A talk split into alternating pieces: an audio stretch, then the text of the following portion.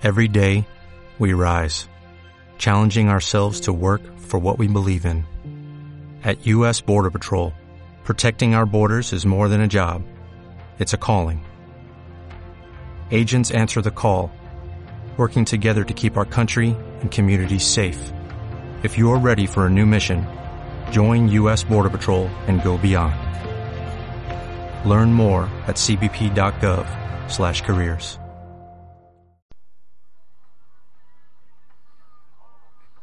Connectem amb la sala de plens. L'acte del pregó de la Festa Major de Sant Fritós de Bages. El primer que farem és obsequiar d'aplaudiment als cantaires de la coral per dur a terme la seva entrada en aquesta sala. Un aplaudiment per la coral.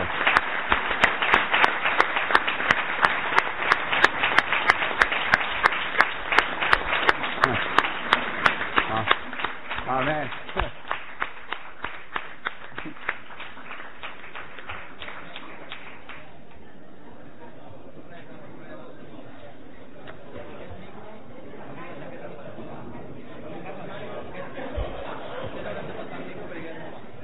Qui no va? Com que no ens han sentit, tornem a aplaudir perquè no deuen estar al cas. Ara!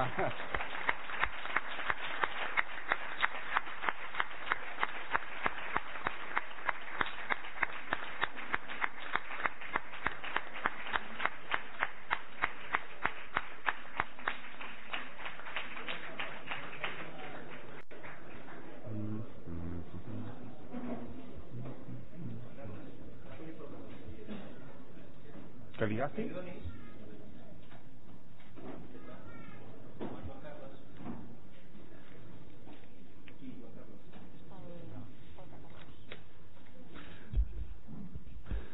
Doncs ja els tenim aquí. Aquest cop sí que ens han sentit. Gràcies.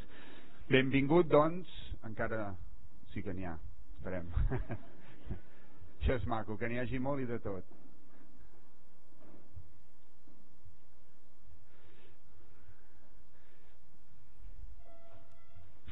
i l'aplaudiment especial per l'Anna Maria Riera, la directora.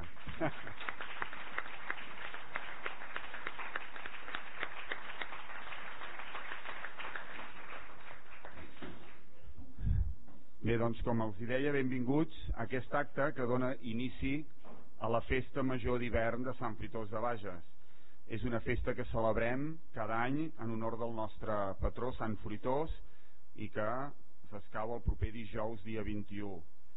Aquest fet de recaure en un dia a meitat de setmana ens permet que aquest any tinguem una festa major més dilatada, més llarga que altres anys, perquè agafem aquest cap de setmana, dijous que ve també, i el proper cap de setmana. I per tant els actes d'avui posen l'inici d'aquesta festa major que acabarà el 24 de gener.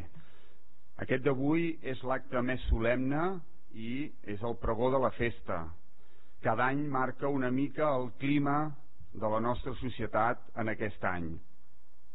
Aquest any, doncs, i sense cap dubte, l'esdeveniment social en majúscules del nostre poble és l'encomana de ser ciutat del bàsquet català.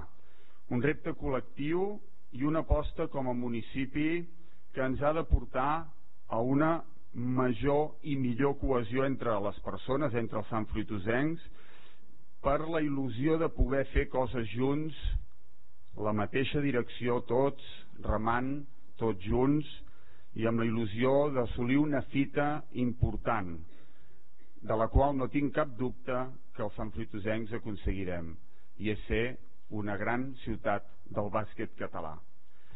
Per això aquest any 2016 els pregoners tenen a veure amb el món del bàsquet, un esport de gran tradició en el nostre poble i que en definitiva tractant-se d'esport, ha de ser recolzat per tothom. A un costat meu, la senyora Helena Santa Maria, que és la pergonera jove d'enguany. Benvinguda, Helena. I a l'altre costat meu, el senyor Jaume Pons Arnau, que és el pregoner d'enguany. Benvingut, Jaume. A la taula ens acompanyen també el regidor de Cultura i Festes, el senyor Xavier Racero, i també la resta de regidors del vostre Ajuntament, de l'Ajuntament de Sant Fritós de Bages. Bona nit, bon vespre a tots. Ara, en aquest moment, el que farem és fer treballar a la coral, que ha entrat tan esplèndidament, i ens faran la primera cançó del vespre, que és Que fantàstic és el món.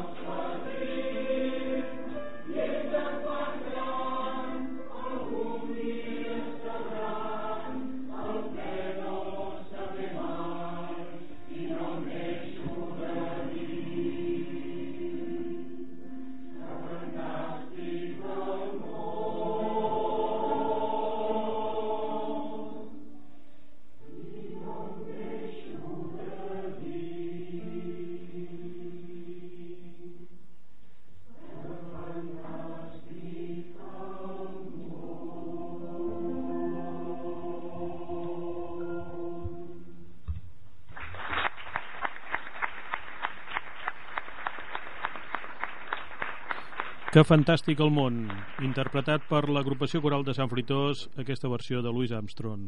Moltes gràcies per aquesta primera cançó, n'hi haurà més. Com he volgut destacar, és any de bàsquet i és any de reptes.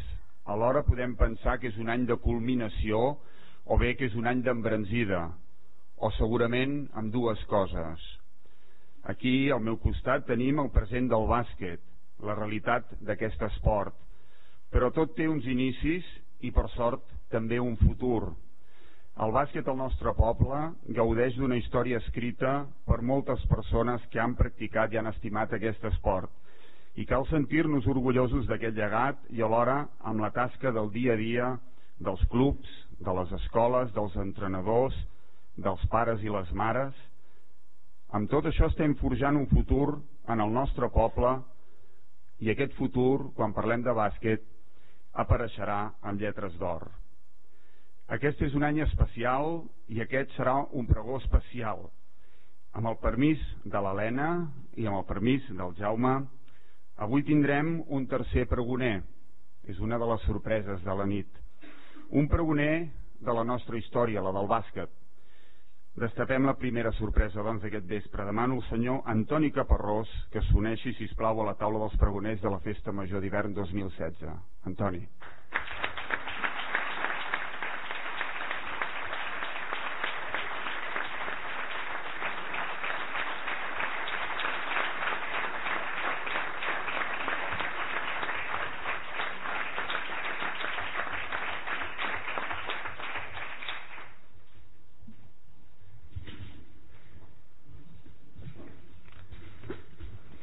doncs, gràcies, Antoni.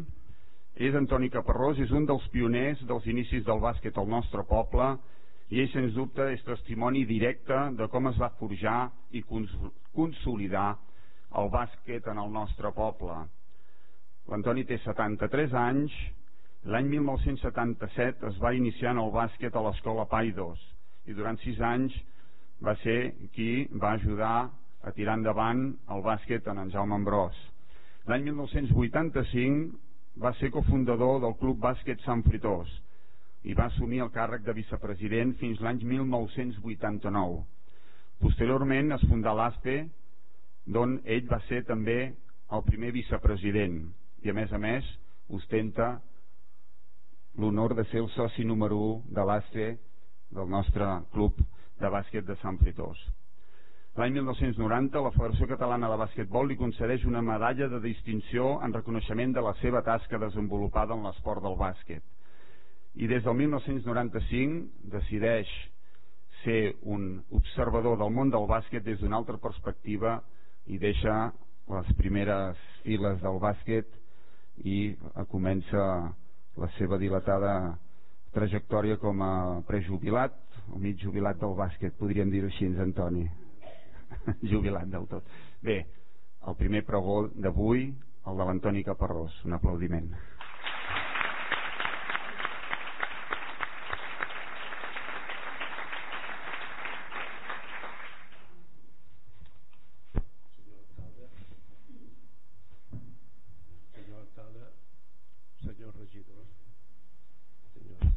senyora, senyora, a tots, molt bona tarda. Estic una miqueta nerviós mm, perquè tot el que m'ha dit ara sembla que, que jo hagi descobert el món. Això ja estava fet de fa molt de temps. Bueno eh, m'han demanat que us expliqui un po, una mica com va començar el bàsquet aquí a Sant Fritos eh, en l'any 77 jo formava part de, de la Junta de Pares del Col·legi Paidos i vaig veure que es feia eh, futbol pels nens i voleibol per les nenes. I vaig pensar que hi ha d'haver alguna intermig no pot ser això. I llavors em vaig interessar per fer bàsquet. Eh, un que no ho tenia molt clar vaig anar a veure els directius del Manresa que em sembla que sí, ara, bueno, però doncs vaig anar a veure els directius del Manresa que jo era soci del Manresa a la Cacera i vaig trobar eh, Monsenyor Bassora que era el que portava tot el, la el, diguéssim els equips inferiors. Li vaig dir el que tenia en projecte a fer que si em podia ajudar i aquest senyor doncs, em va dir sembla molt bé, deixa'm veure les instal·lacions.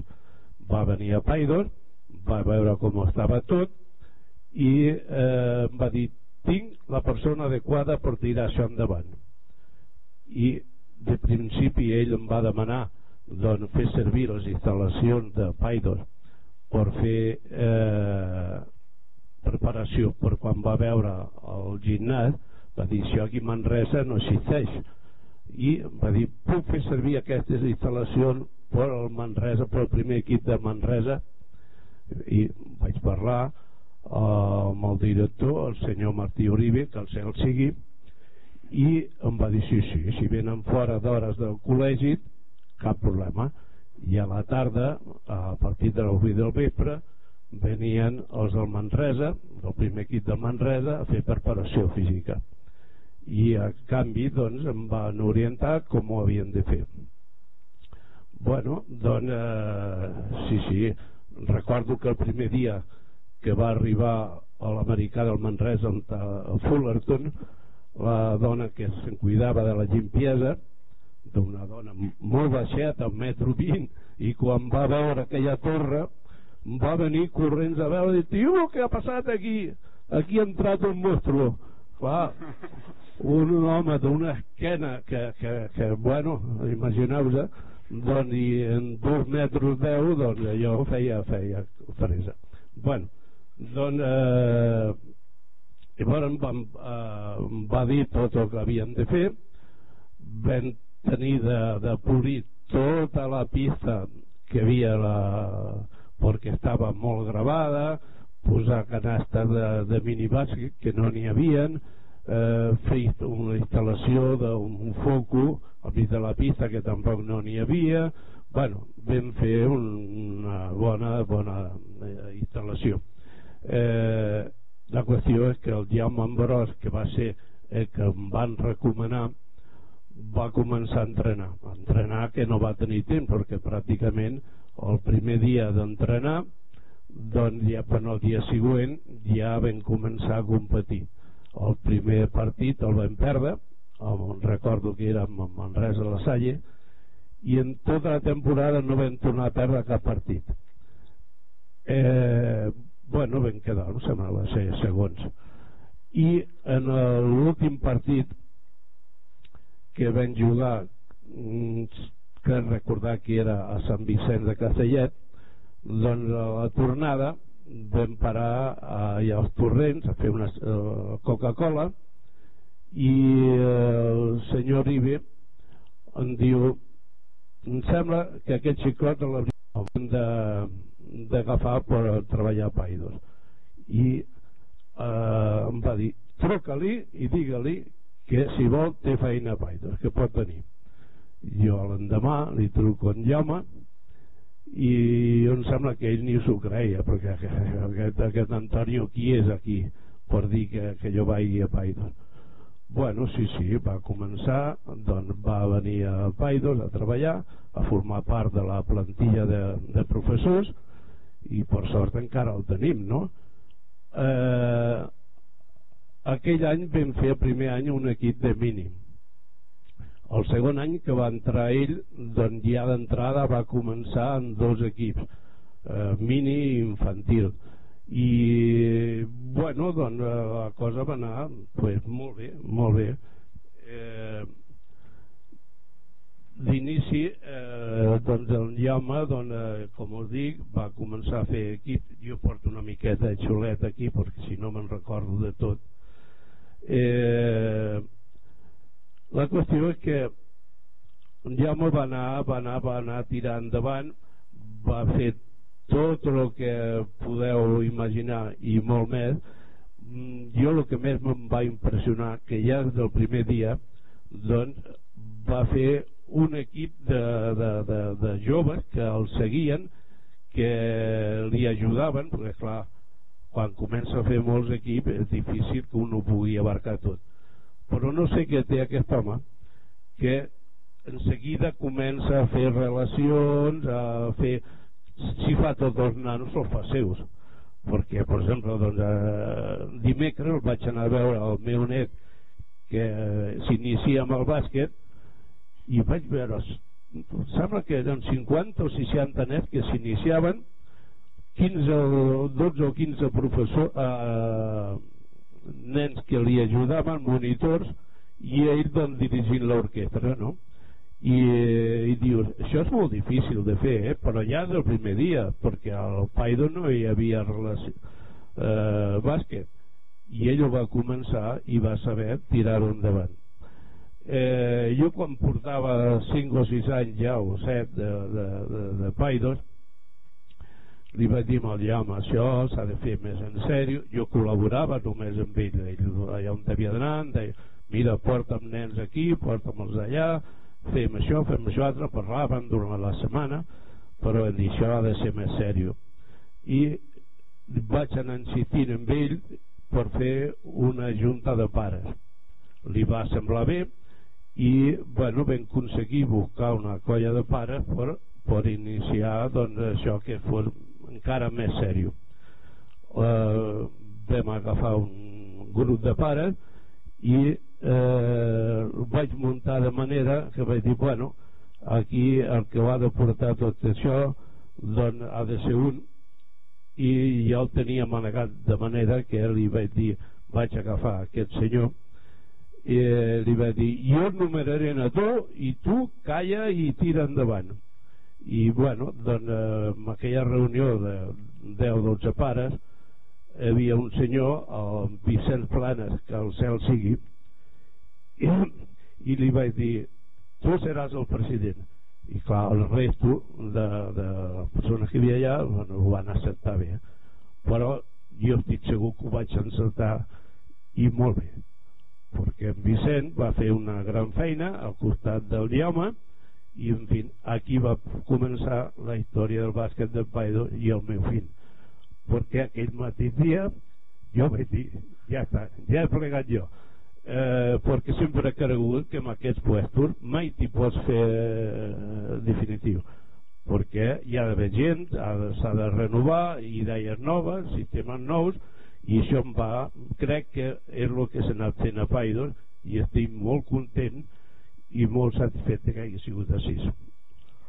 Bueno, això van ser els inicis de Paidos però Paidos feia bàsquet fins a l'infantil. Quan acabaven d'infantils potser m'estic allargant molt no sé si jo estic eh, dormint una miqueta eh, procuraré anar més ràpid. Doncs el, quan vam acabar el nano que acabàvem d'infantils llavors s'anaven a Manresa a jugar de juvenil o bé amb el CB, amb el Manresa o d'altres que quedaven sueltos que no, no podien jugar en cap equip. Bueno, en l'any 85 se'm presenten a casa eh, un xicot joves de Paidon recordo per exemple doncs, Toni Nafleu, Parcerissa i algun altre que no el recordo amb uns veteranos com el Fèlix Canadell, Safarino Pintor, i em diuen, oi, podríem fer bàsquet aquí al, al poble. I no sabem com fer-ho. Bueno, això està clar.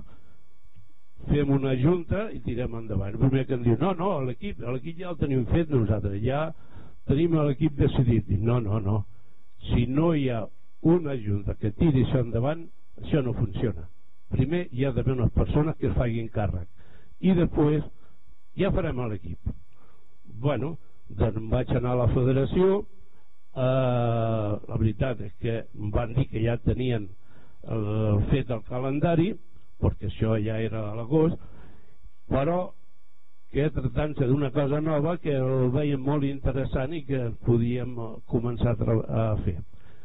Bueno, vaig venir a l'Ajuntament els hi vaig dir a l'alcalde el que pensàvem fer el senyor Nasi Sala i em va dir per mi podeu tirar endavant us ajudaré econòmicament el que pugui. I sí, sí va, els arbitratges ho pagava l'Ajuntament. I així vam començar el bàsquet aquí a Paida aquí a Sant Fritos eh, la veritat és que va anar molt bé perquè vam fer un equip entre gent jove i gent menys jove i eh, amb el temps doncs això es va anar eh, afluixant els de, els de Junta eh, que havia agafat per compromís perquè per no dir-me que no van anar plegant i van entrar gent més, més ganes. D'altres els jugadors els veteranos van anar plegant i van entrar joves. I així es vam poder doncs, anar, anar posant la cosa més al dia. El, el, doncs, el, el primer any vam començar amb, jugant a tercera clar, la categoria més baixa. El segon any ja vam pujar a tercera preferent. El tercer any vam pujar a segona. O sigui que la cosa anava però, però bé el, no hi havia cap problema. No tenien només un problema i és que havien de jugar a la pista al costat del, del camp de futbol. Clar, imagineu-vos aquest any molt bé però aquests anys feia un fred impressionant entrenaven a les 10 del vespre bueno, ens quedaven glaçats jugaven el diumenge a l'equip juvenil perquè no us ho he dit vam començar, jo vaig dir a la federació jugarà un equip sènior. Llavors quan vaig anar a escriure va dir no, jugarà un de sènior i un de júnior. I el segon any ja teníem un de juvenil que la gent volia el nano volien jugar. Bueno, doncs clar, imagineu el juvenil que era el primer equip jugava a les 10 del matí eh, amb un frec que feia que jo no podia aguantar. Bueno, eh, bueno anava insistint amb l'Ajuntament que a tot arreu hi havia pavellons menys a Sant Fritos i el senyor alcalde anava dient sí, sí, però d'altres potser tenen més diners. I bueno, vam anar a sis, al tercer any eh, no us ho he dit anteriorment el president eh, era un senyor Josep Massana. Jo no vaig voler agafar la presidència no m'ha agradat mai. Eh, i jo era el vicepresident.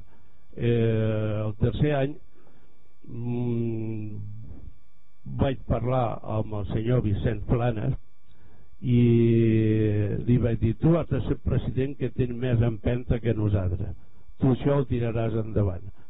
Bueno, eh, el senyor Vicent doncs, va, va posar de president anterior i anar insistint amb l'Ajuntament la qüestió que cada quatre, quatre anys ja teníem el nostre pavelló. El pavelló aquest com bé sap el Jaume que és el que ho ha tastat més perquè ha estat a l'élite sap que l'equip del Manresa li agradava entrenar aquí perquè un, par, un parquet com aquest no s'hi troba a qualsevol puesto. Hi ha el millor pavelló segurament de la comarca. Eh? i el Manresa com d'altres equips sempre els hi ha agradat. I bueno, nosaltres vam començar molts ànims i tirant endavant.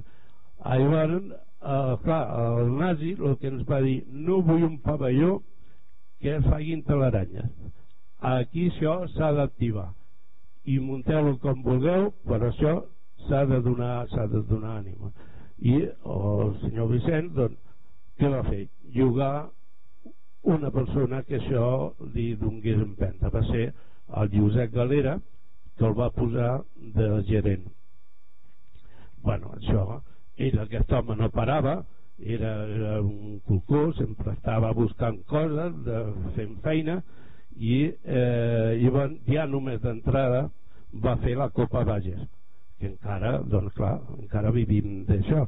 Eh, al principi els, més, els equips de la comarca no veien clar què és això de la Copa Bages però ara ja sabeu tots l'èxit que té que ara tots estan demanant quan comença la Copa Bages.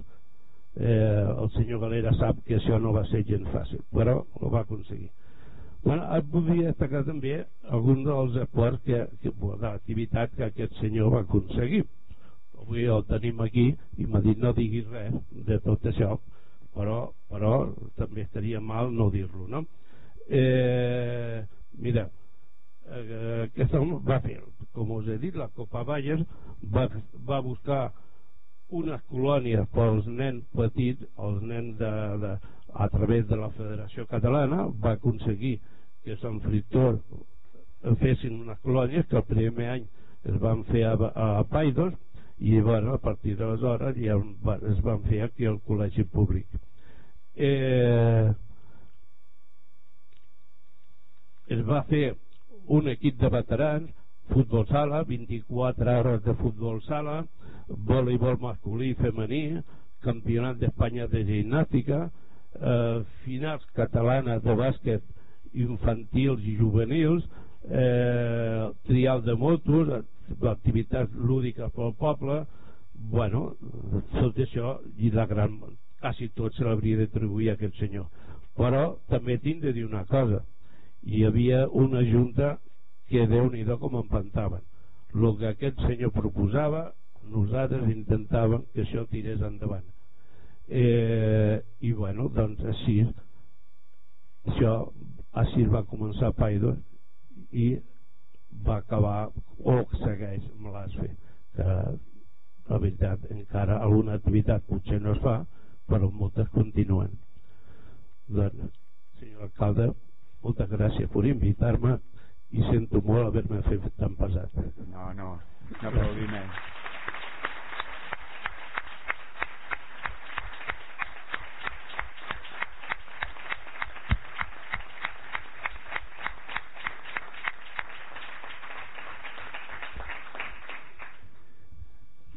Gràcies, Antoni. Hi ha una frase que no és pas meva que saps que diuen que per saber on vols anar has de saber d'on vens. I això, això és així. I, I ho has deixat molt clar. Gràcies. I per, per poder seguir amb l'acte, la coral ens interpreta una segona cançó quan tot s'enlaira. Antoni.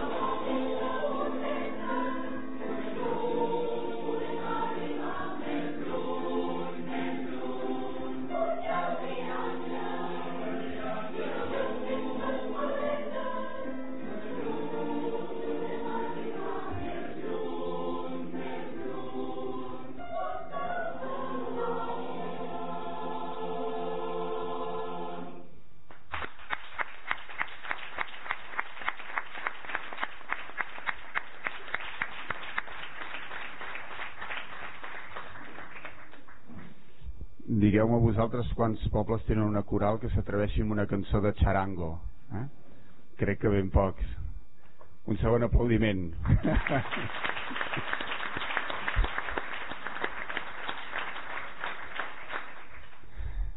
Bé, i toca el moment del pregó jove. El pregó jove ens el, ens el farà l'Helena Santa Maria, 25 anys, jugadora actualment en actiu a la categoria Copa Catalana. Ella va començar en el Paidos, fàbrica de basquetbolistes clara i, i contundent, i eh, ha estat també mestra educadora de primària i estudiant, no sé si encara ho ets, estudiant de psicopedagogia. I ella està en el PAI 2 des del 1997 fins al 2004, participa a la selecció catalana infantil, on va guanyar el campionat d'Espanya autonòmic, va estar preseleccionada amb la selecció espanyola preinfantil i infantil, i l'any 2004 fins al 2007 passa a formar part de l'equip UB Barça, aquell equip que es va fer entre la Universitat de Barcelona i el Futbol Club Barcelona de bàsquet femení.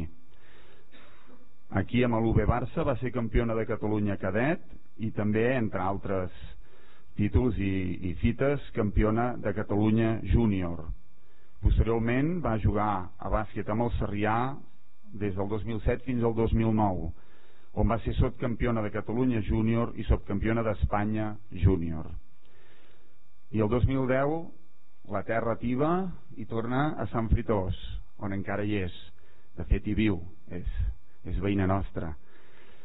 Ella diu, torno a casa. Eh? Aquí m'han escrit i això ens ho ha passat ella, torno a casa. És d'agrair sentir això, no?, d'algú. Eh, està a primera catalana, també juga Copa Catalana, 2013-2014 està a la categoria primera catalana. Vaja que sempre ha estat a dalt de tot. I per tant hem cregut que l'Helena Santa Maria era qui millor podia representar aquesta part jove del bàsquet del nostre municipi. Helena, endavant.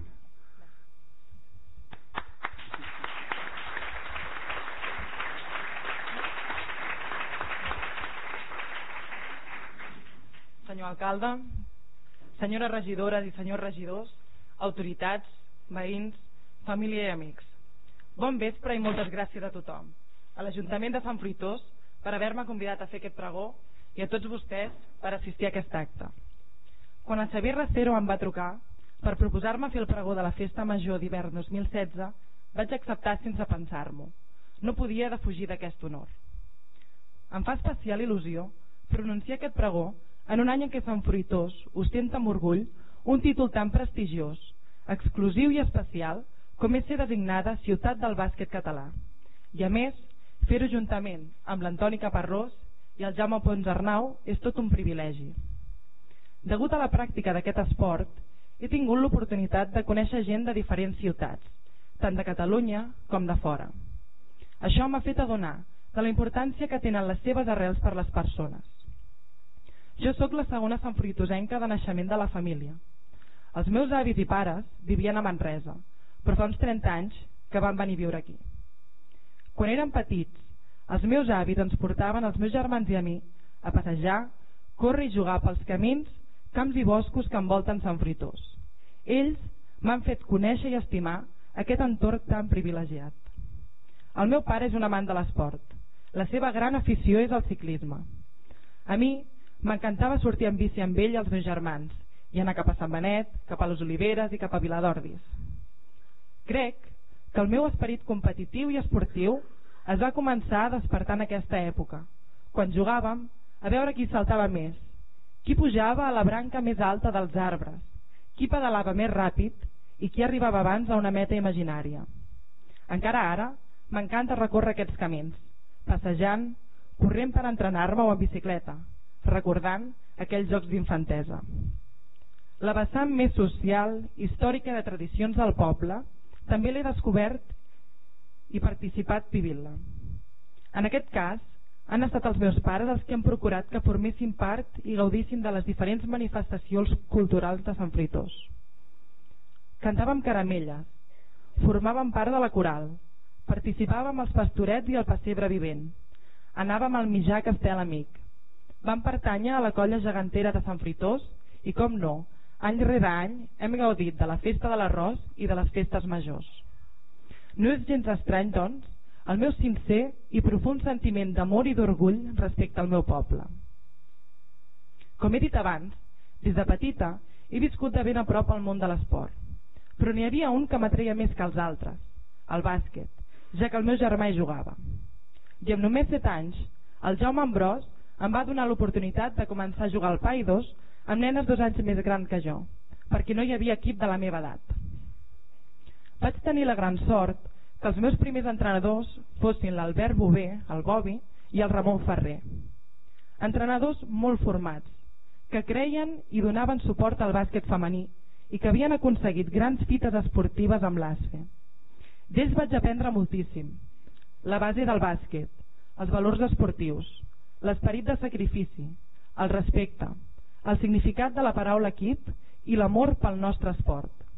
tasca que van continuar desenvolupant la resta d'entrenadors que he tingut. Durant la meva primera etapa, jugant a Sant Fritós, vaig estar de reserva de la selecció catalana mini. Em, em van preseleccionar amb la selecció espanyola infantil i preinfantil. I vaig formar part de la selecció catalana infantil amb la que vam quedar campiones d'Espanya. A nivell de club, vam aconseguir tenir un equip infantil molt competitiu i ens vam quedar a les portes d'arribar a la final a 4. El meu últim any a Sant Fruitós va, ser el d'infantil. La meva gran il·lusió en aquest moment era la de jugar en un gran equip i poder complir el meu somni. Arribar als campionats de Catalunya i d'Espanya i competir-hi com ho havia fet el nostre cadet femení l'any 2000. No era fàcil poder complir aquest somni, perquè els millors equips es trobaven a Barcelona i Rodalies, i l'esport femení no disposava ni disposa dels mateixos recursos que el masculí. Els clubs que em volien fitxar, l'única cosa que em podien oferir era no pagar les quotes mensuals, però els desplaçaments havien de córrer a càrrec de la meva família. El meu pare em va dir que si el que jo volia era fitxar per un altre equip, que ell em portava amb dues condicions. La més important, que les notes de l'escola fossin bones, perquè el meu futur depenia dels estudis. I en segon lloc, que m'esforcés i gaudís molt dels entrenaments i partits. Així que van fitxar per l'UB Barça la temporada 2004-2005 i vaig estar jugant fora de casa durant 5 anys, 3 anys a l'UB Barça i 2 al femení Sarrià. El 2007, quan va començar la crisi, el Futbol Club Barcelona va suprimir la secció de bàsquet femení i totes les jugadores i entrenadors ens vam quedar sense equip. Per aquest motiu ens vam veure obligats a anar a un altre club i va ser el Sarrià que ens va acollir. Durant aquests anys d'esforç i sacrifici, tant per part meva com de la meva família, vaig poder complir el meu somni, jugar a campionats de Catalunya i d'Espanya. Vam aconseguir dos campionats de Catalunya, dos campionats de Catalunya, el tercer lloc en uns campionats d'Espanya i el sotscampionat d'Espanya júnior. Quan vaig arribar a sènior tot va canviar. L'exigència i les il·lusions no eren les mateixes que fins a júnior. A més, havia de combinar la universitat amb els entrenaments i vaig perdre la il·lusió de jugar a bàsquet. Amb 19 anys vaig decidir deixar de jugar per sempre. Però els mesos a deixar-ho notava que em faltava alguna cosa. Necessitava tornar a jugar i no tenia ganes d'haver de jugar lluny de casa i l'ASFE em va rebre molta il·lusió i jo em vaig sentir totalment integrada en l'equip. Potser les meves expectatives esportives no eren gaire altes i si algú en aquell moment, ja fa sis anys, m'hagués dit que amb el meu club aconseguiria recuperar la il·lusió perduda per aquest esport, l'ascens a Copa Catalana per dues vegades, el campionat de Catalunya de primera catalana, que formaria part d'un gran grup humà com és el meu equip i que el meu poble seria la ciutat del bàsquet català, de ben segur que l'hauria pres per boig. Tot això ha estat possible gràcies als entrenadors, coordinadors, directius, jugadores, jugadors, famílies, patrocinadors i institucions com aquest Ajuntament que han treballat i lluitat perquè el bàsquet Sant Fruitós sigui el club de referència de la comarca. Referència tant a nivell de valors com a nivell esportiu. Així com també un dels clubs més importants dins del bàsquet català i conegut arreu del país. Des d'aquí vull reconèixer la tasca d'aquelles persones que sempre han treballat per l'esport en general i pel bàsquet en particular i reconèixer-los la feina feta, gairebé sempre de forma altruista, convençuts que la pràctica del bàsquet, com la de tots els esports, a més de competició i diversió, promou i transmet uns valors tant socials com personals que contribueixen a la formació de la persona i l'ajuden a afrontar-se a la vida quotidiana. La pràctica d'aquest esport ens porta a triar un estil de vida molt més saludable. Ens aporta valors d'esforç, respecte, responsabilitat, sacrifici, ambició, constància, superació, compromís, valentia, generositat, amistat i cooperació. Ens ensenya el valor de la paraula equip, quan estem junts som més forts i podem aconseguir tot allò que ens proposem. Que sols potser arribem més ràpid, però junts arribem més lluny. Ens ensenya que a vegades es guanya i a vegades es perd, però sempre s'aprèn. Aprenem a treure coses bones de les situacions adverses I en comptes de buscar-hi excuses per rendir-nos, hi trobem motius per tirar endavant. La pràctica d'aquest esport ens ensenya a respectar normes i a acceptar decisions que a vegades no ens semblen justes. Ens ensenya a ser més generosos i menys egoistes. Ens ensenya a exigir-nos a nosaltres mateixos i fer autocrítica abans de fer-ho amb els altres. Ens ensenya a conèixer de nosaltres mateixos, les nostres possibilitats, capacitats i habilitats, però també els nostres límits. Ens ensenya que amb esforç, constància, sacrifici, ambició i il·lusió podem aconseguir tot allò que ens proposem.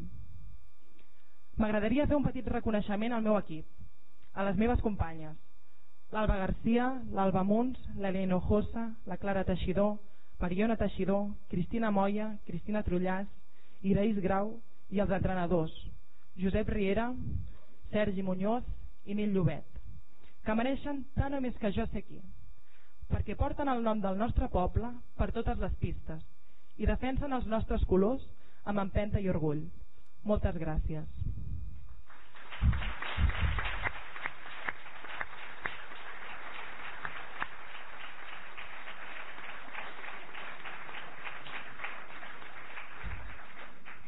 Sempre he pensat que homes i dones estem capacitats per a realitzar els mateixos treballs i fer les mateixes coses, que la capacitat de fer un treball o una activitat té més a veure amb les qualitats de cada persona que no pas en la diferència de sexe. Penso també que l'accés de la dona a l'esport o a l'activitat física esportiva avui en dia no hauria de ser la reivindicació d'igualtat amb l'home, sinó com diu Benil de Vázquez, l'accés a una experiència vital i enriquidora. Històricament, en la majoria de les societats, el protagonisme esportiu ha estat sempre masculí. Degut a això, les dones han hagut de vèncer moltes dificultats per aconseguir els seus drets en la pràctica esportiva. Gràcies a ella, l'esport femení ha pogut superar moltes barreres, però encara falta un llarg recorregut perquè l'esport femení arribi a ser igual que l'esport masculí.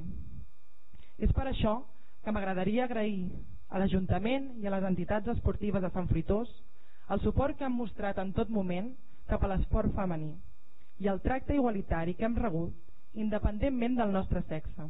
Moltes gràcies.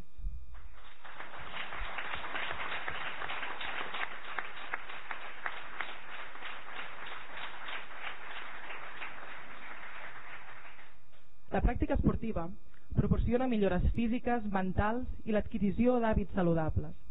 És molt important facilitar la pràctica esportiva a la població per a poder gaudir de la infinitat de beneficis que l'exercici aporta en el nostre desenvolupament. Sant Fruitós és un poble compromès amb aquesta pràctica i ofereix un gran ventall d'activitats esportives a tota la seva població, des dels més petits fins als més grans. Tenim clubs de bàsquet, de voleibol i futbol, gimnasos de dansa i fitness, Disposem d'un programa de gimnàstica per la gent gran. El Bosquet està equipat amb un circuit de salut i estem envoltats d'un entorn natural ideal per poder sortir a caminar, córrer o anar en bicicleta. El nostre poble té unes instal·lacions esportives municipals envejables. El nostre pavelló reuneix unes molt bones condicions per jugar a bàsquet. És gran, el parquet està impecable, tenim bona temperatura a l'hivern, els vestuaris estan nets i cuidats, i tenim bon material per poder entrenar. A més, tenim un conserge proper, amable i que sempre ens anima. Al sostre tenim alguna gotera que no acaba d'estar ben reparada, però bé, per sort fa temps que no plou. El nostre pavelló és un dels millors de Catalunya, però potser se'ns està començant a quedar petit. Ara només em queda dir que intentarem seguir treballant com fins al dia d'avui, i si és possible millor. A nivell de club, esperem contribuir en bon lloc els nostres equips l'any que som ciutat del bàsquet català. I com a pregonera juvenil, animo els nens i joves a fer esport i a participar en totes les activitats que el poble ofereix. Sant Fruitós, durant tot l'any, portarà l'equipació verda i les bambes de bàsquet per jugar un dels seus partits més importants, però ara es vesteix de gala per celebrar la seva festa major d'hivern. Gràcies, senyor alcalde, Corporació Municipal, Comissió Organitzadora de Sant Fritós Ciutat del Bàsquet, veïns i veïnes. La festa està pregonada. A partir d'ara, gaudim-la amb responsabilitat i diversió.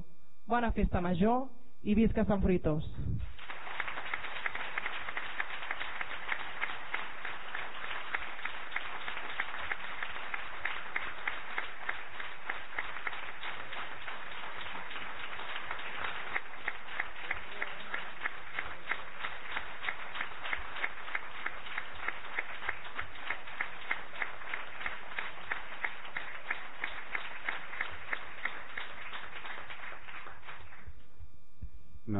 No sé, si dir-t'ho Jaume però la gent jove posa el llistó molt alt eh? moltes gràcies Helena, moltíssimes gràcies ara em toca presentar que no sé si caldria però ho he de fer el senyor Jaume Pons Arnau el senyor Jaume Pons Arnau va néixer a Tàrrega ara té 44 anys però l'any 2009 va vindre a viure a Sant Fritós i de fet ell actualment tot i que està uns mesos a Anglaterra vivint, ell és Sant Fruitosenc. I per tant, podem dir que arrodonim el pregó d'avui, la festa aquesta del pregó, amb tres Sant Fruitosencs en aquesta taula fent el pregó.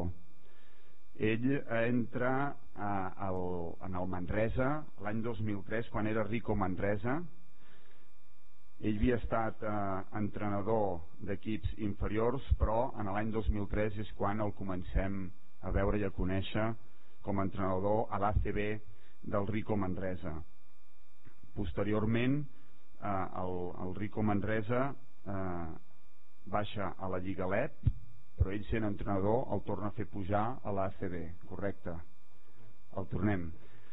Per tant, ell té la, la valentia, de pujar de nou un equip a l'ACB, cosa molt difícil que sabeu prou bé els que, els que esteu en el món del bàsquet. I l'any 2014 fitxa pel Sant Sebastián Guipúzcoa Bàsquet Club, on ha estat entrenador fins fa escassos un mes o un mes i mig. Ara ell té l'oportunitat de dirigir-se al seu poble fent el pregó de la festa major d'hivern. Jaume.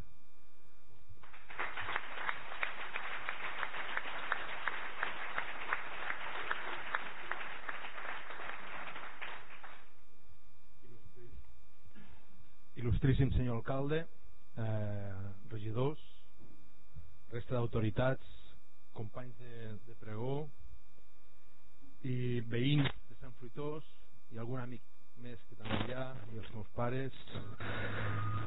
Molt bon vespre a tothom ben trobats i gràcies per la vostra presència.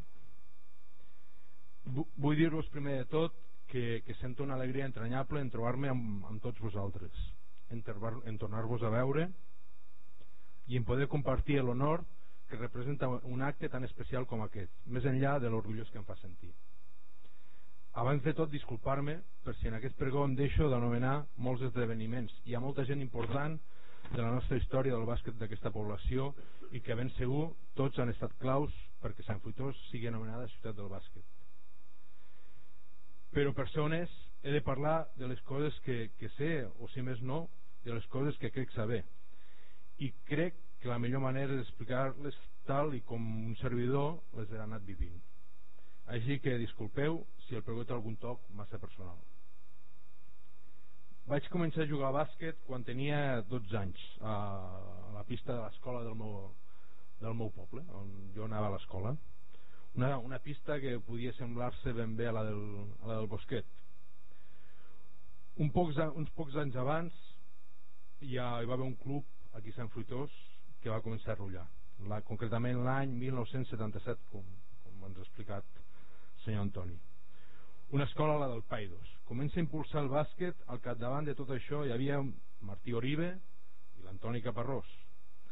Estic convençut que aquest va ser un moment transcendent pel que a després jugadors com, com Ricard Planes eh, Lluís Amat Rafa Martínez, Joan Camí Miqui Moliner, Nil Sabata, entre molts i molts i molts i molts i molts d'altres, maduressin en la seva vida amb un lligant enorme amb el bàsquet. La meva primera relació amb Sant Fruitós, com no ve relacionada amb el bàsquet. Jo era jugador de la categoria, aleshores anomenàvem juvenil. No sé si vam jugar contra el CB Sant Fruitós o el CB Sant Fruitós, no sé com se'n recorda. En l'existència d'aquests clubs, la seva concepció i la seva supervivència, permeteu-me tornar a referir-me a una persona que també va ser molt important en la creació del, del Paidos i que el tinc aquí al meu costat, el senyor Antoni Caparrós. L'any després, després de, de vindre a jugar, crec que va ser l'any després, va, es va crear eh, l'ASFE. Llavors el Vicenç Planes crec que era el, el president just en el moment que s'inaugura i comença a funcionar, funcionar aquest pavelló que està tan bé i que, i que més tard eh, inclús vaig poder gaudir com a entrenador del primer equip del Manresa que realment teníem moltíssimes ganes de vindre que té aquest pavelló doncs totes aquestes coses que també ha dit l'Helena no? que un molt bon parquet, bona temperatura bar, lloc per aparcar però, pues, una manera per, per fer coses de bàsquet que sens dubte que l'hem d'anar millorant no? haurem d'anar millorant sí. Però, però però ben segur per tots els que hem tingut l'oportunitat de gaudir, de gaudir aquest pavelló ha sigut una, una meravella.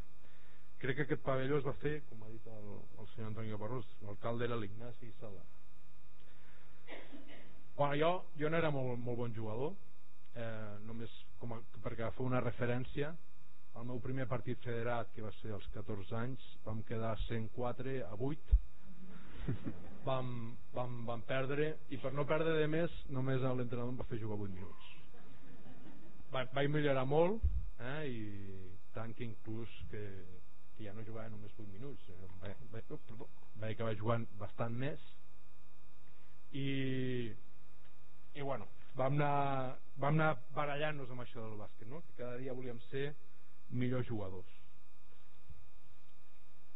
Sacrificat i sobretot era un enamorat passional no? d'aquest esport que el que, vaig el que em va enganxar més va ser intentar sempre que la, aquella pilota que és tan gran que em sembla tan gran passi pel cèrcol aquest cèrcol que, que doncs, quan comencem el veiem molt petit eh, em sembla molt petit i a més el veiem de molt lluny perquè està molt, molt, molt, alt, molt alta la cistella s'han de fer moltes coses bé perquè entre la pilota ahir eh, volia ser millor del que ho havia sigut el dia abans. Aquesta era la cosa que més m'enganxava de tot això no? sempre treballar per, perquè avui siguis millor que ahir. Com molt bé explicat l'Helena el Baix és una comarca amb molt de bàsquet. El fet que Manresa hagi tingut tants anys de bàsquet d'èlit segurament ha ajudat en que tots els pobles propers hagin aparegut jugadors i jugadores que comencessin a estimar aquest joc com ho vaig fer jo o potser Manresa ha tingut molts anys bàsquet d'èlit gràcies a que l'afició del bàsquet no tan sols es redueix a Manresa sinó també a totes aquestes poblacions com Sant Fruitós on s'ensuma i es viu el bàsquet d'una forma omnipresent. La meva esquena i segurament sobretot la meva frustració de veure que demà no podia ser millor que avui va fer que deixés de jugar. Però crec que la principal causa que ho va fer va ser que descobrir que hi havia una altra cosa relacionada amb el bàsquet que podia fer que, que em permetia començar a pen seguir pensant que demà podia ser millor que avui. I era la de fer d'entrenador de bàsquet. Vaig descobrir com realitzava ajudar a uns jugadors i jugadores a ser demà millors que avui. A que estimessin com jo mateix aquest esport. A que volguessin gaudir i viure amb tots els valors que anaven implícits en aquest esport. Aquests valors tenen a veure amb aquella, en que aquella pilota eh, que és tan gran eh, ens sembli cada vegada més manejable i més petita perquè pugui entrar pel cèrcol. Que recordeu que el veiem molt lluny i petit però a mesura que aprenem a fer coses l'anem veient més gran. Però també és molt important especialment pels entrenadors i amb això reconec que acostuma a ser el que més ens costa convèncer els nostres jugadors i jugadores és que també és important defensar o sigui, evitar que l'altre equip o els altres jugadors o jugadores aconseguissin encistellar la pilota per aconseguir una cistella eh, o, o que no t'encistellin tenim com a màxim 24 segons. I com a mínim 0,0000001 segons. Que gran que és aquest joc. Tenim un espai per aconseguir-ho que fa 28 metres de llargada per 15 d'amplada les pistes que són reglamentàries com la de Sant Fruitós. Podem defensar jugador per jugador o home home o, o defensa individual. Podem defensar que donant responsabilitats de defenses d'espais defensa en zona. Podem inclús fer defenses mixtes on combinem aquests dos tipus de defensa. O defenses mutants que comencem primer amb individual i després amb zona o de zona amb individual. Fascinant eh, podem bloquejar el defensor del company o companya que té la pilota o el defensor d'un jugador del company o companya que no té la pilota. Això li diem bloc indirecte i al que té la pilota li diem bloc directe o pick and roll ara que tenim més influències americanes. El nostre esport és infinit. Sempre respectant un reglament rigorós en com pots avançar la pilota i com pots impedir que ho faci el teu oponent amb un detall clau que ens fa diferents a tots els esports i és el peu de pivot aquest és la base de tota la millora de tècnica d'un jugador i de com pot treure avantatges quan té la pilota tot, això, tot això gestionat per uns àrbitres que també viuen amb el bàsquet d'una forma molt diferent probablement a la que ho fem els, els jugadors i jugadores o entrenadors però que ben segur també amb una passió màxima. Un esport on els dits són molt importants tant com ho puguin ser pel pianista o pel pintor amb els dits podem fer art eh? amb el bàsquet eh, doncs sent precisos amb aquell llançament i a vegades impossible avançant i progressant la pilota i superant un defensor que fa tot el possible perquè no el superis o, o passant que és on hi ha més màgia el nostre joc amb el passe amb aquella correlació de jugadors i jugadores que parlava abans l'Helena tot això a la vora d'uns valors com poden ser el treball, la constància l'esforç permanent, la concentració la comunicació, la coordinació i el treball en equip, el respecte la, la competitivitat l'ambició, la persistència us agraden aquests valors? aquests valors i, tots, i tot el que els ha completat l'Helena molt millor que jo a ben segur que, que sí que us agraden si podem construir un nou país ens agradaria fer-ho també amb aquests valors no en tinc cap dubte i vosaltres? Una de les meves primeres experiències com a entrenador va ser en uns campionats al Collell.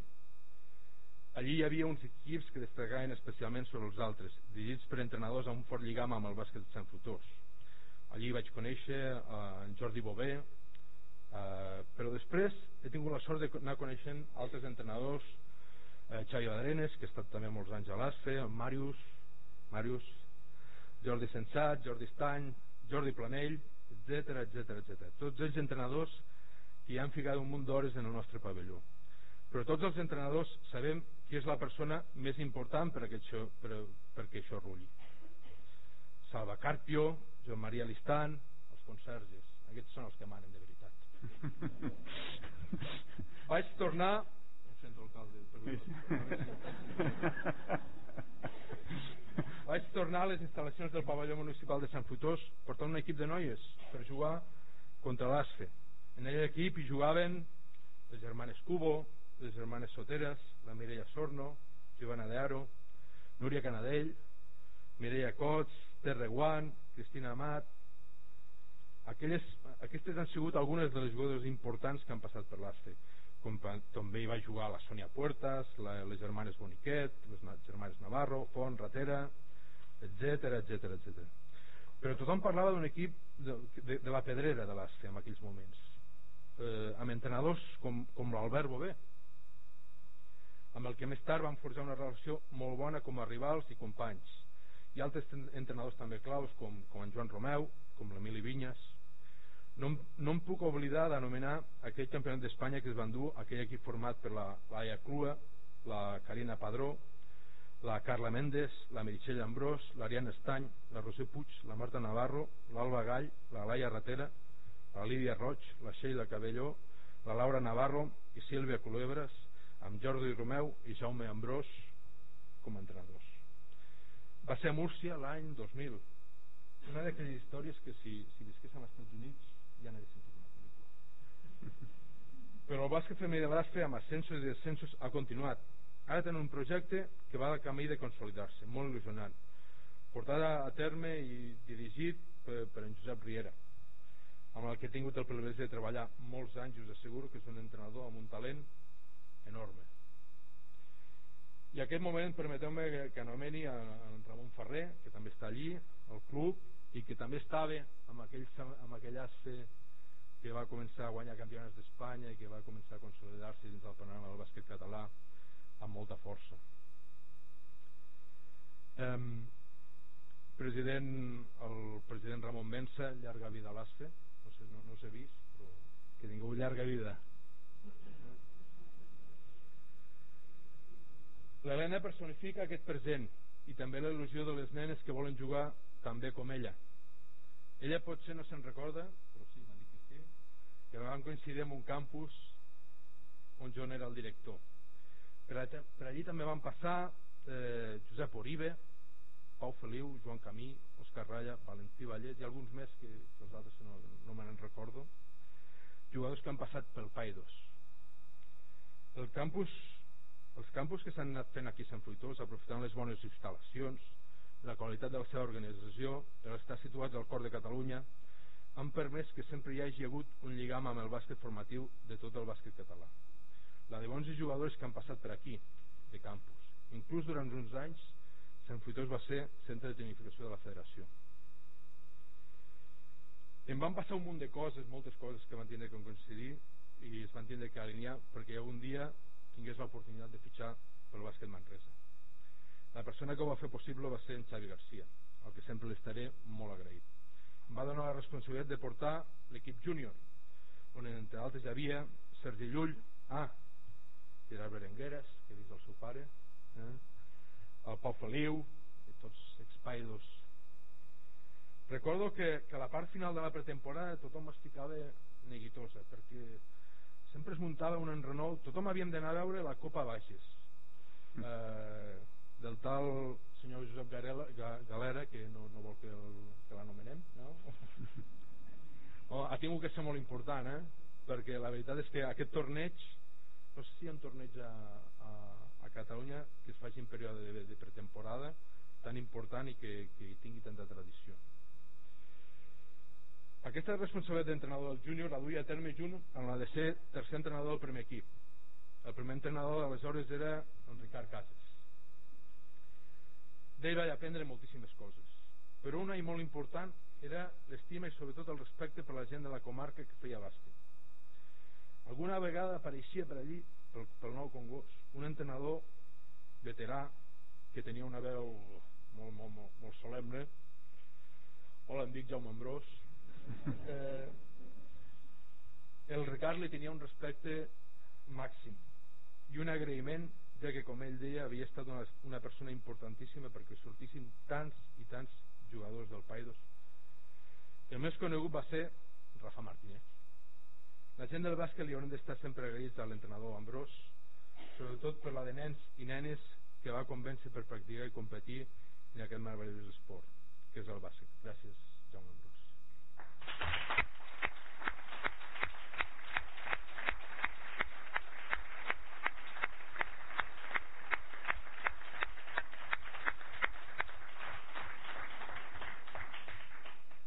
Vaig acabar convertint-me en el primer entrenador del bàsquet Manresa i també pare de família nombrosa. Volíem que els nostres fills creixessin en un lloc on tinguéssim espai on poguéssim sortir al carrer a jugar i estiguéssim prop de la natura. Això ho vam trobar a les Urcardes. Així que ens vam convertir en els vostres veïns. Hem anat coneixent gent entranyable i fantàstica que ens ha ajudat molt a ser feliços aquí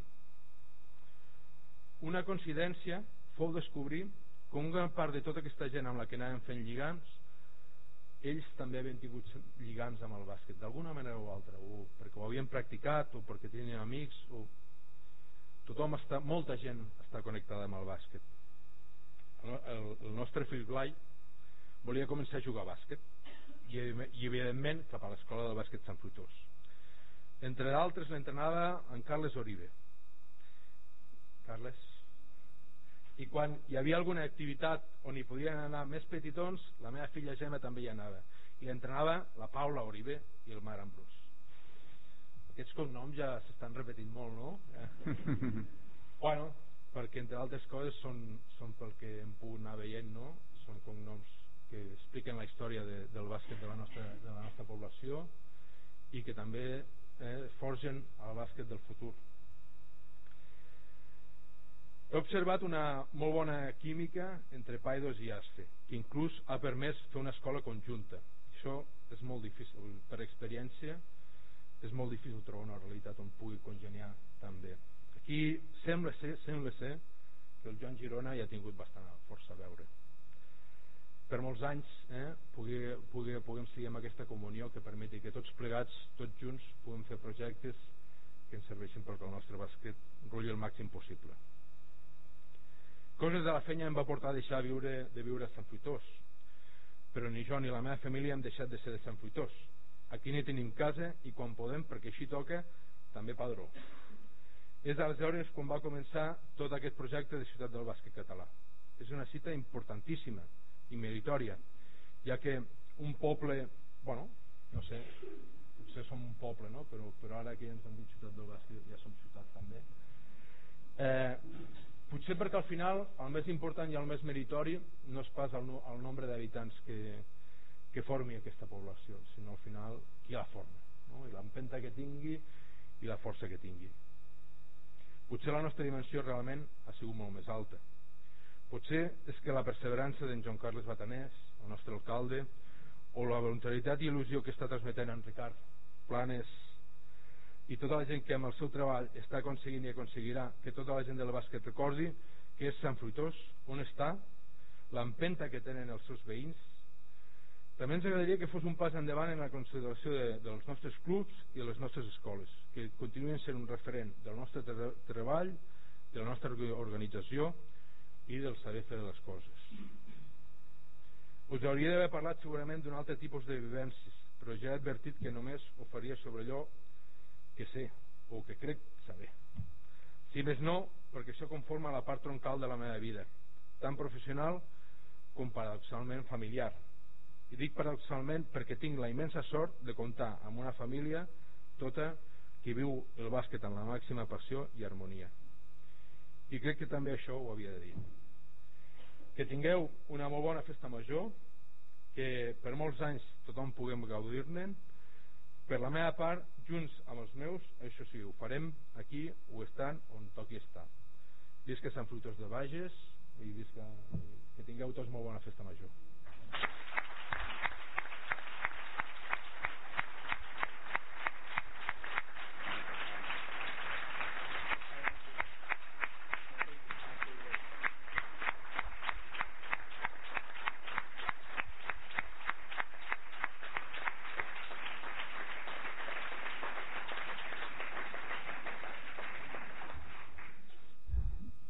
agraïment en agraïment a, a les paraules i als pregons que ens han adreçat els tres pregoners d'aquest vespre. I en nom de tots els ciutadans de Sant Fritós els hi fem lliurement d'unes plaques. Com a pregoners aquesta és pel senyor Antoni Caparrós Romera. Antoni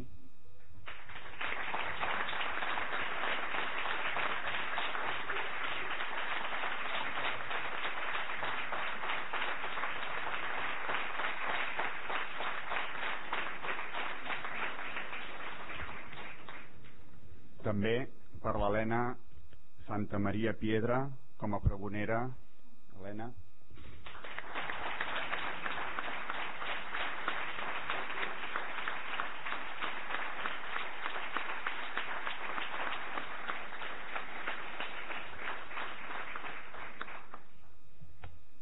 i també per en Jaume Pons Arnau Goenaga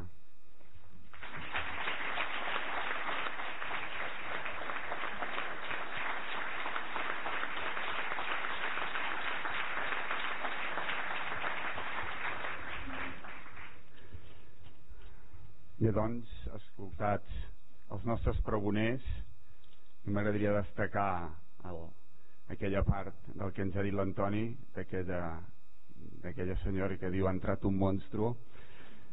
Eh, jo, crec, eh, jo crec que els monstres del bàsquet han estat precisament aquestes persones que, com ell, han dedicat molts anys de la seva vida al bàsquet. Alguns d'ells eh, els has anomenat de forma molt clara i intensa, però evidentment segur que coincidim tots que els monstres han estat tota aquesta gent d'aquests anys que han arribat fins a la data d'avui. Molt, molt, molt agraïment per tota aquesta gent que avui hem, hem glosat en la figura de, de l'Antoni Caparrós. I l'Helena ens ha transmès valors i sentiments que a mi, i estic segur que, que molts de vostès també, ens han fet sentir un pessigolleig a la pell i com aquell nus a la gola no? quan parlava així de, del seu poble i, i de la seva vida que és el bàsquet que realment que no saps si has d'empassar o, o allà et poses a plorar directament de la il·lusió que et fa veure gent jove amb aquests valors també moltes gràcies Helena i el Jaume Arnau el Jaume agrair-li primer de tot que decidís aquest matí agafar un avió des d'Anglaterra estar avui aquí i tornar a agafar un avió no sé si avui mateix o demà a primera hora i tornar a marxar cap a Anglaterra. Realment s'ha d'estimar el bàsquet i s'ha d'estimar el seu poble. Un agraïment molt gran per aquest gest que has fet i jo crec que ha utilitzat una metàfora molt bona. No sé, segur que ho deies directament però els que no són basquetbolistes ens hem d'agafar com a metàfora. Fer passar la pilota pel cèrcol és molt difícil i que lluny que queda però ho intentem. I aquesta és la metàfora que a mi m'agradaria eh? quedar, quedar amb això eh? és, és petit i lluny però ho intentem i ho aconseguim moltes gràcies Jaume també per aquestes paraules que has adreçat en el teu pregó i també aprofito que estem tots aquí per, per mostrar-vos ara l'hem tret però teníem el logo del bàsquet aquí que el veureu molt aquest any que està també en aquest record que els hi hem donat en els nostres pregoners. I també us volem mostrar aquell quadre que hi ha allà que és l'atorgament de Ciutat del Bàsquet Català 2016 que ahir una mica més tard d'aquesta hora o pràcticament aquesta hora recollíem de Granollers de mans de l'alcalde de Granollers i del president de la Federació de Bàsquet el senyor Joan Fa aquí queda ben clar que som Ciutat del Bàsquet 2016 i llavors, gràcies Xavier, i llavors també recordar-vos que demà, i amb el permís del José María Listán, anirem tots al pavelló a fer la presentació del bàsquet 2016 per tots, tots els ciutadans de casa i de fora. I com que abans, al començar, parlava jo de la història que ha quedat perfectament glosada i també hem fet alguna escapadeta al futur la realitat actual però que ens porta cap al futur aquí i ara arriba la segona sorpresa del vespre que és un missatge que ens envia algú que és present però és futur. Aquest senyor jove juga a bàsquet en actiu va jugar al TDK Manresa va jugar amb el Rico Manresa i després se'n va anar al Pamesa a València al València Bàsquet actual. I ell no s'ha volgut perdre la festa d'avui i ens envia aquest missatge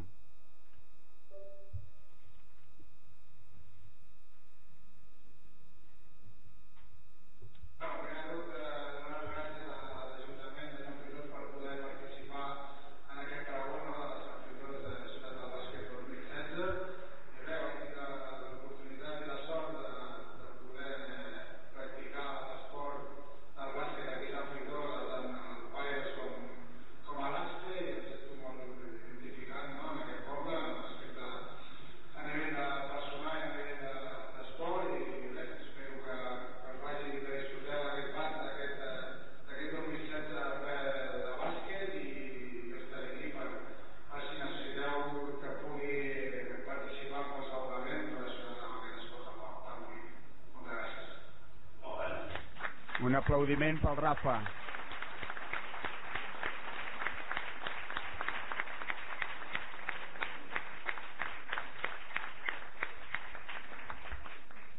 En Rafa Martínez, eh, sortit del Paidos i actualment diuen que en el millor equip actual de l'ACB aquesta temporada, en el València. I a més a més jugador pràcticament indispensable a les files de l'equip actual del València. I ell ho diu allà on va que ha sortit de Sant Fritós. Per tant, amb tot això i amb tota aquesta quantitat de bàsquet a les nostres venes aquest és el nostre any així ens ho han explicat de clar els nostres pregoners així de clar ho tenim tots i hem de demostrar que un poble de 8.400 habitants no és el nombre de ciutadans que tingui sinó el nombre de basquetbolistes que tingui el que el farà gran aquest any 2016 moltes gràcies a tots. L'aplaudiment als pregoners